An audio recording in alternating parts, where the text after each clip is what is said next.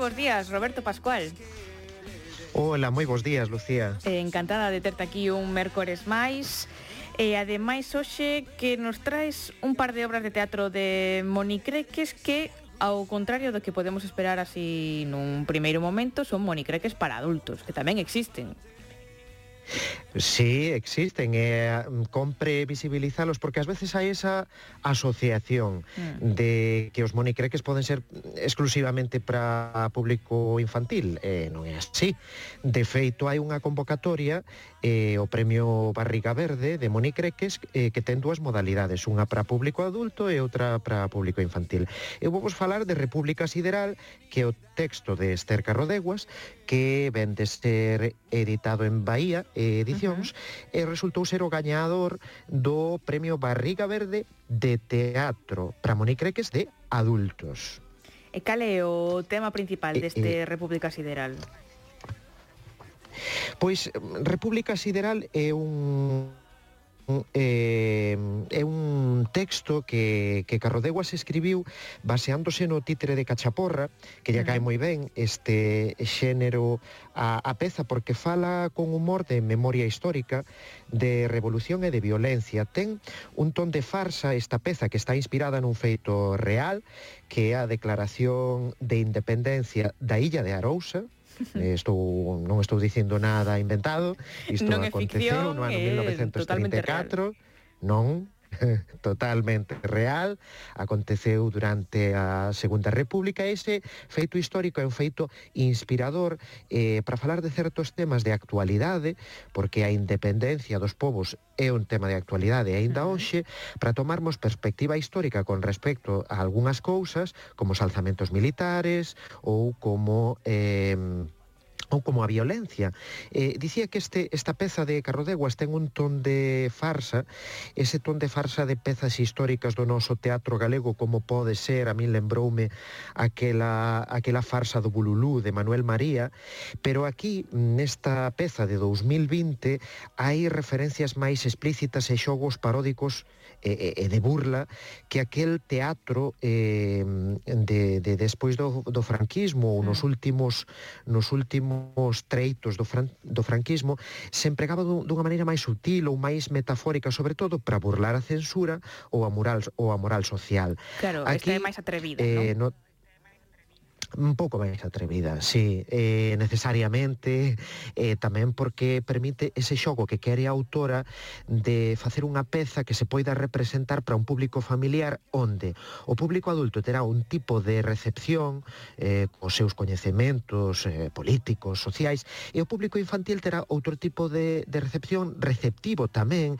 e mm. non hai que ser paternalistas. Nese sentido, a violencia, pero non unha violencia morbosa, senón a violencia presencia deses personaxes que eh, falan de franguismo, o general que máis mola, a guerra civil, el calvillo, o generalísimo frango, que o público adulto, polo que estou a dicir, saberá conectar con algunhas eh, figuras da, da nosa historia, da nosa historia recente, pero que o público eh, infantil pois seguramente eh, verá, poderá reflexionar e seguramente terá unha segunda parte, que é a parte explicativa de acompañamento interxeracional, onde os pais e as nais lle poderán explicar cuestións como eh, eh, como os, o, a, a, o alzamento militar, o que significa eh, un consello de guerra, o que significa eh, a, a independencia dos povos, o que significa unha folga, o que significa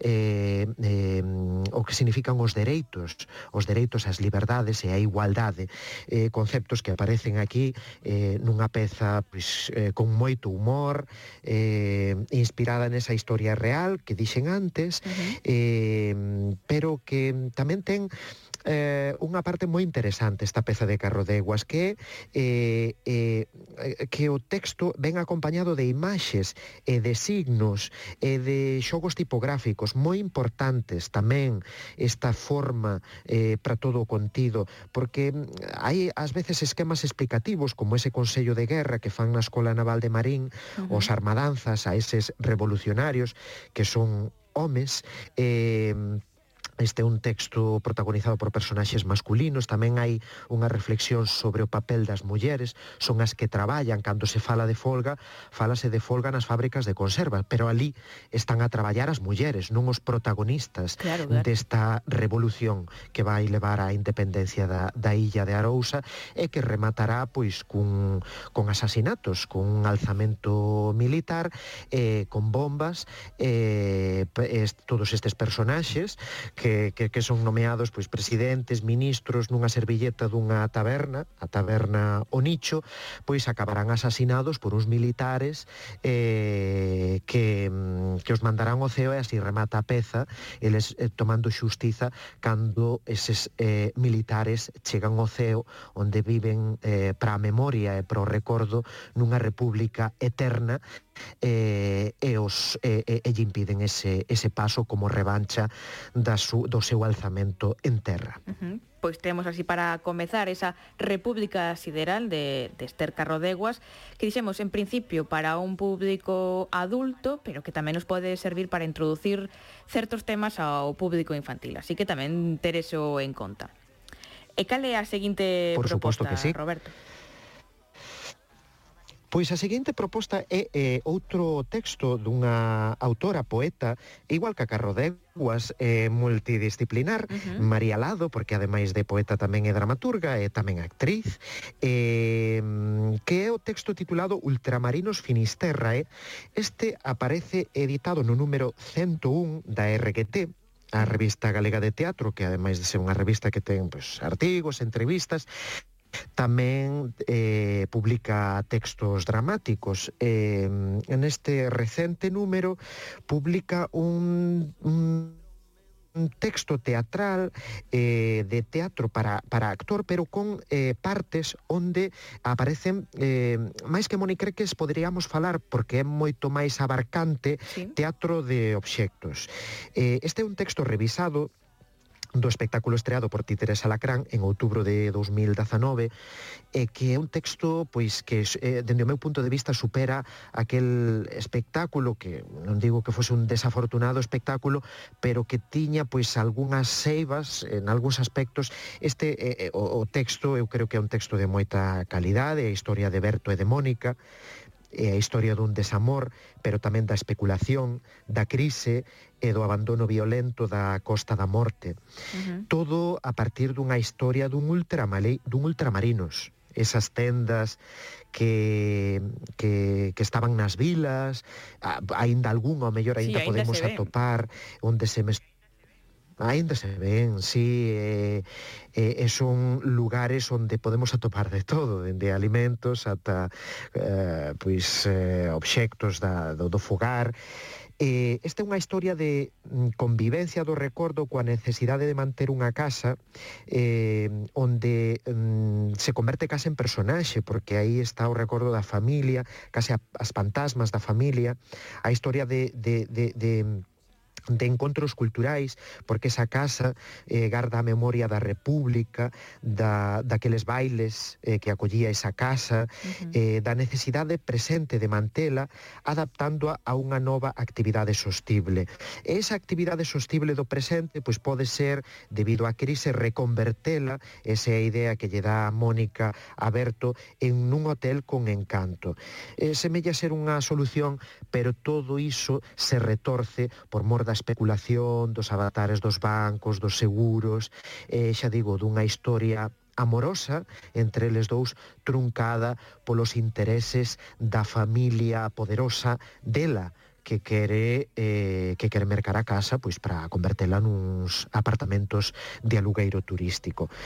O final desta desta peza de, de María Lado é un final aberto porque un incendio durante unha noite de verán, de, de tormenta, eh, rompe o soño e ese, ese final eh, quizáis pois tamén salva o protagonista de ser eh, de morrer queimado na, na súa propia casa e poñer fin, poñerlle un fin tráxico a esa, a, a esa mm, eh, tradición, a ese legado de manter vivo un, un ultramarinos eh, onde onde mm, pois se mesturan historias, memoria, eh, tamén a vida dunha comarca, dunha comarca eh, como é a Costa da Morte, onde aparecen referencias como Mandecamelle, a importancia dos obxectos, mm. eh, e tamén eu destacaría eh, Lucía, se mo permites, sí, unha sí, claro. un cuestión eh, relevante, non, non é menor nesta peza de, de María Lado, que a historia de Mónica, o personaxe de Mónica, eh, un personaxe feminino eh, que son eses personaxes femininos que necesitamos tamén en todo tipo de teatro, tamén no teatro de Monicreques, que son uns personaxes eh, femininos libres, eh, ela volve á vila despois dunha ruptura, unha infidelidade que remata cunha relación de anos, ás veces isto parece Mm, pois eh, que sempre se deseñan así personaxes masculinos, pero esta personaxe feminina achegada á, á realidade do presente, sen ser xulgada, mostrase nunha situación de vulnerabilidade, eh, as consecuencias do seu embarazo e do aborto fora da parella levana pois a volver á vila, a, a, a reinventarse e a coñecer a este personaxe que é o personaxe de, de Berto, eh, co cal pois, mantén unha relación eh, que nos leva pois, a descubrir tamén o seu pasado e as súas realidades diversas. Pois temos estas dúas obras para monicreques que nos trae Roberto Pascual, que son República Sideral e Ultramarinos Finisterrae, que eh, vemos que teñen certas cousas en común, non? Como eh, eses temas tan actuais que son a especulación, os enfrontamentos ideolóxicos e tamén os dous eh, coa memoria como telón de fondo. Así que... Sí, efectivamente. Uh -huh. Eu, eu sin sinalaría estes puntos en común, eh, a importancia da memoria, da memoria histórica e tamén a recuperación da memoria. O no texto de, de María Alado cobra moita importancia o as fotografías, as imaxes, os obxectos, as referencias eh, o pasado, pero tamén a, a actualidade, non? Eh, a vida de dos personaxes que viven nos, nun tempo presente, nun pues... tempo presente coas eh, coas realidades eh, tecnolóxicas actuais, pero tamén coa importancia e o valor que ten a poética dos obxectos. Pois con iso quedamos. Moitísimas grazas, Roberto Pascual. y hasta la semana que ven.